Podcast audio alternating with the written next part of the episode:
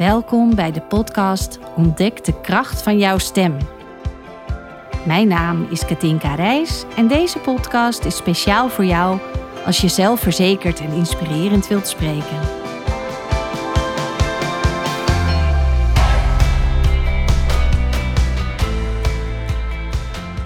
Welkom weer bij een nieuwe aflevering. En deze keer gaan we het hebben. Vorige keer hebben we het gehad, Katinka, over de stijl van je stem en wat je daaraan kan doen. Deze keer gaat het over de techniek van je stem. Ehm, als het gaat over techniek, ja, wat kan je daarover zeggen? Nou, techniek is voor mij, wat gebeurt er technisch met je stembanden als je op een bepaalde manier spreekt? En dan heb ik het elke keer ontzettend graag over de intensiteit van je stem. En wat is nou de intensiteit van je stem? Dat is hoe is de toon waarop je klinkt? Ehm, is het krachtig? Is het, is het licht? Is het stevig? Is het scherp? Nou, zo heb ik er drie die ik ontzettend belangrijk vind. Namelijk de lichte intensiteit.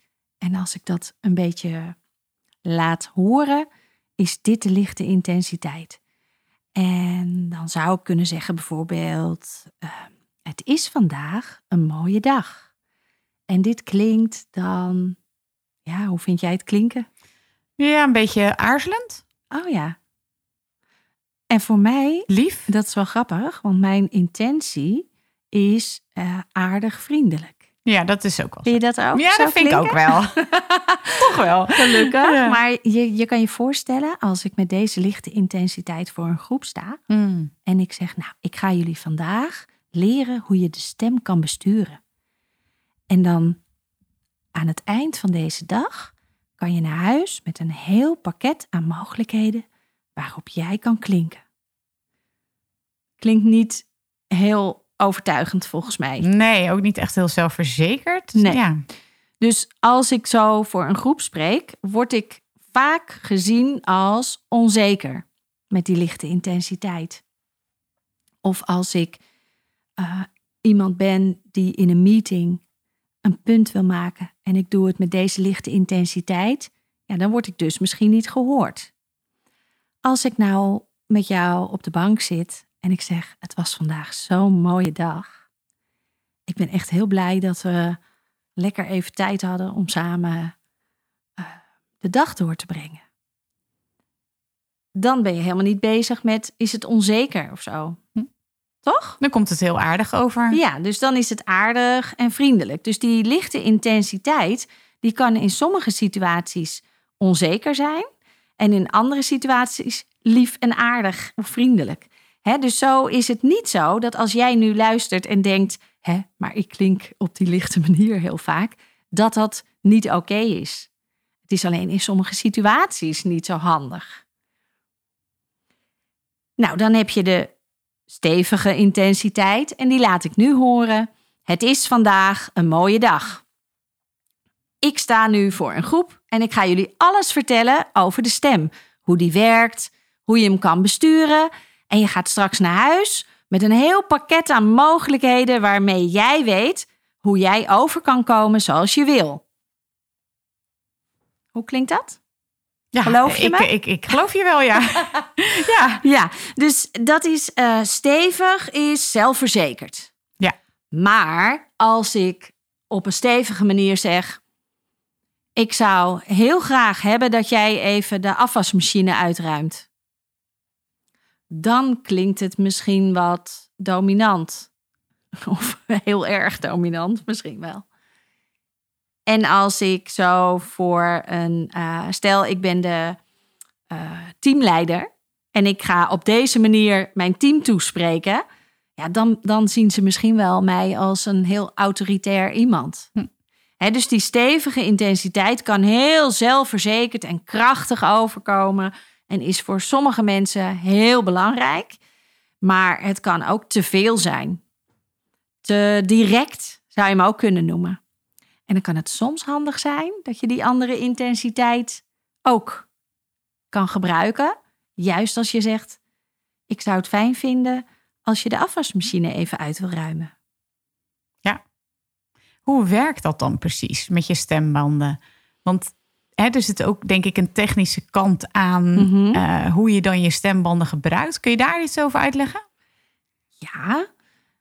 Ehm, als ik mijn stem gebruik op een wat lichte manier, zoals nu, is het letterlijk zo dat stembanden zijn, nou ja, twee ehm, spiertjes, twee plooien eigenlijk, die heel snel tegen elkaar aantrillen. Er gaat lucht langs vanuit de longen en door die trilling hoor je geluid. En die stembanden kunnen open en dicht gaan. Dus je hebt een openingsfase en een sluitingsfase. En wat ik nu doe op deze lichte manier, is dat die stembanden langer open zijn dan gesloten. Nou, dat is even technisch. Het is handiger om te weten hoe je dat dan doet. Maar technisch is er echt wel een verschil in hoe die sluitingsfase is. En dat kunnen ze tegenwoordig allemaal heel mooi onderzoeken met cameraatjes. En dat kunnen ze bekijken eh, hoe dat ook letterlijk gaat en meten hoe die trilling gaat. En bij die stevige intensiteit heb je ook echt een steviger sluiting. Dus de hele eh, massa van de stembanden komen krachtig tegen elkaar. Daarom hoor je ook lage, hoge tonen, alles bij elkaar. En bij deze hoor je een heel andere klank. Hm. Dus het is een stevige sluitingsfase. Die- De sluitingsfase is langer en de openingsfase is korter. Dus dat gebeurt er technisch. En je kan met oefeningen leren hoe je het dus licht kan laten sluiten en hoe je het stevig kan laten sluiten. En dan hebben we ook nog scherp. De scherpe intensiteit, wat ik dan doe, is wat spieren boven mijn stembanden ehm, aanspannen. En dat kan helpen als je wat lacht. Ik weet niet of je, als je nu dit luistert, dan kan je misschien horen dat ik een lach op mijn gezicht heb. En dat helpt om die scherpte wat eruit te krijgen.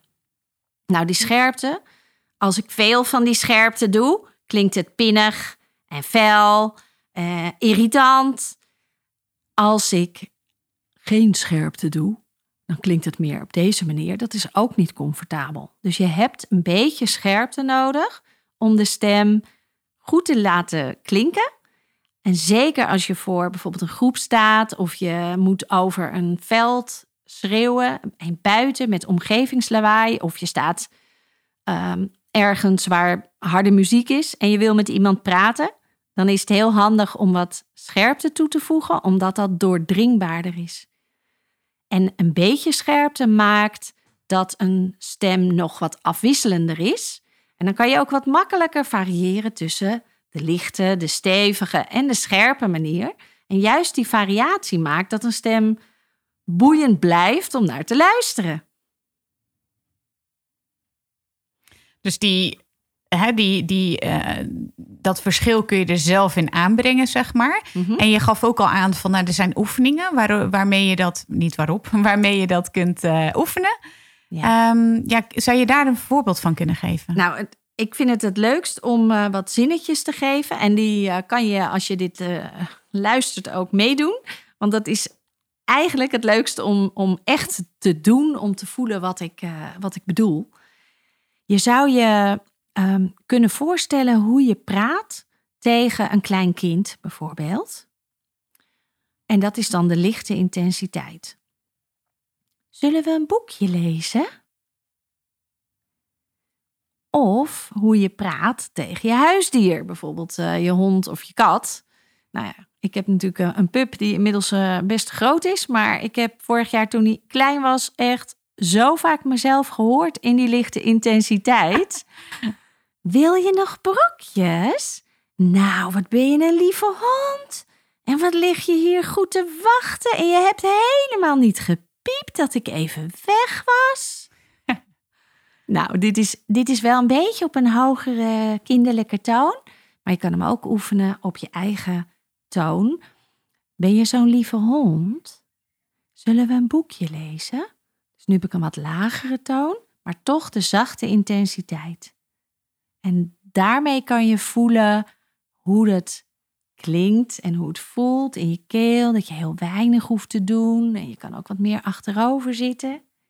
Dat is de lichte intensiteit. En dan zijn we natuurlijk heel erg benieuwd naar de oefeningen met de stevige intensi- intensiteit. Ja, de stevige intensiteit. Ik moet altijd even schakelen. Alsof ik een knopje omzet in mezelf. Goed. De stevige intensiteit. Kan je je voorstellen dat je bijvoorbeeld op de markt staat en je verkoopt aardbeien. Nou, waar ik vandaan kom, klinkt dat zo. Mooie rode aardbeien. Stevig, luid en rond geluid zou je kunnen zeggen. Ehm, voetbalsupporters die kunnen het ook heel goed. Die zingen dan een liedje en misschien thuis herken je het wel. Dan mag je meedoen en dat liedje gaat zo. Olé, olé, olé, olé. Ik stop gewoon, hè. En eh, de olé is een hele mooie roepklank, waarbij je hoort dat je de stevige sluiting hebt. Kom op, je kan het! Dus eigenlijk al dat roepgeluid zorgt voor een stevige sluiting, waarbij het wel belangrijk is dat je een beetje actief moet zijn rond je navel. Dus je trekt een klein beetje je navel naar binnen, je buik iets in, waardoor je niet kracht zet op je stembanden, dus niet bij je keel kracht zetten, maar de kracht halen uit je buik. Dat komt straks weer even terug bij het stukje uh, bij de podcast over energie en adem. Wil je nog de scherpe horen? Ik ben wel benieuwd. ja. Oké, okay, de scherpe intensiteit is dus heel fijn als ik voor een grote ruimte spreek. Dus als ik zeg, wat fijn dat jullie hier allemaal gekomen zijn. Als je nu um, dit op je oortjes hebt, dan denk je, oh, dat klinkt een beetje hard. Maar die scherpte is in een hele grote ruimte fijn, want dan kost het mij geen moeite. Want je wint er zomaar 10 tot 15 dB mee. Dat is een sterktemaat. Dus ik kan heel veel makkelijker luider spreken. Je kan me daardoor goed verstaan. Maar ook als ik aan het beeldbellen ben en ik doe dit op een wat zachtere manier, maar ik doe wel ster scherpte in mijn, in mijn stem, kan je me goed verstaan en ik doe geen moeite eigenlijk met die scherpte. Als je nou wil um, oefenen daarmee, dan is het de typische Amerikaanse manier van spreken, die ze vooral in Texas doen, maar ook in andere delen van Amerika. Het overdrevene, scherpe, wat wij Hollanders heel vervelend vinden over het algemeen. Hi, I'm an American. How you're doing? Op die manier kan je oefenen met de scherpte. En dan oefen je het dus heel overdreven. En wat ik nu doe, is een klein beetje scherpte. Wat mijn stem dan wel weer net interessant maakt en niet irritant. Ja, ja. ja mooi. Het is, uh, ik, ik zie dat je het onwijs leuk vindt om, om hierover ja. te vertellen. Klopt dat? Mm -hmm. Ja, ik uh, word hier altijd heel blij van, want ik hou van uh, stemmetjes nadoen. En vooral dat mensen die dat nog nooit gedaan hebben, dan direct ervaren: wow, dit kan ik met mijn stem. En ja, dat is dus het uh, bewijs voor mij dat je zo ontzettend snel een verandering bij jezelf kan leren. En er zijn natuurlijk wel ontzettend veel oefeningen om dit nou heel precies nog te leren. Dat gaat een beetje ver hier.